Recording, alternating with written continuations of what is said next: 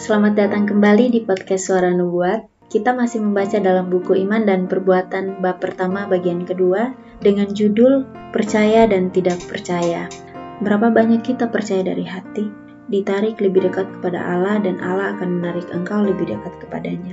Hal ini berarti sama dengan Allah di dalam doa. Pada saat mereka yang telah diajari dalam ketidakpercayaan dan menghargai ketidakpercayaan, menenun pertanyaan mengenai keraguan-raguan dalam pengalamannya, dalam kepastian akan roh Allah, mereka melihat bahwa adalah tugas pribadi untuk mengakui ketidakpercayaan mereka.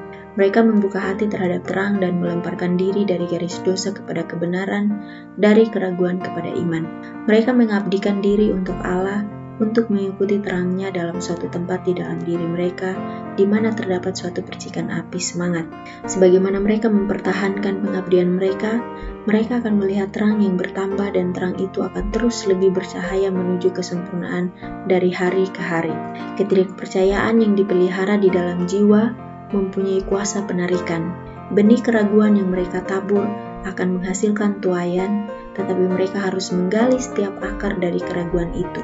Pada saat tumbuhan beracun itu dicabut, maka ia akan berhenti untuk menginginkan perawatan dalam kata-kata dan jiwa harus memiliki tumbuhan iman yang berharga dan kasih dimasukkan ke dalam tanah hati dan bertakhta di Terima kasih. Tuhan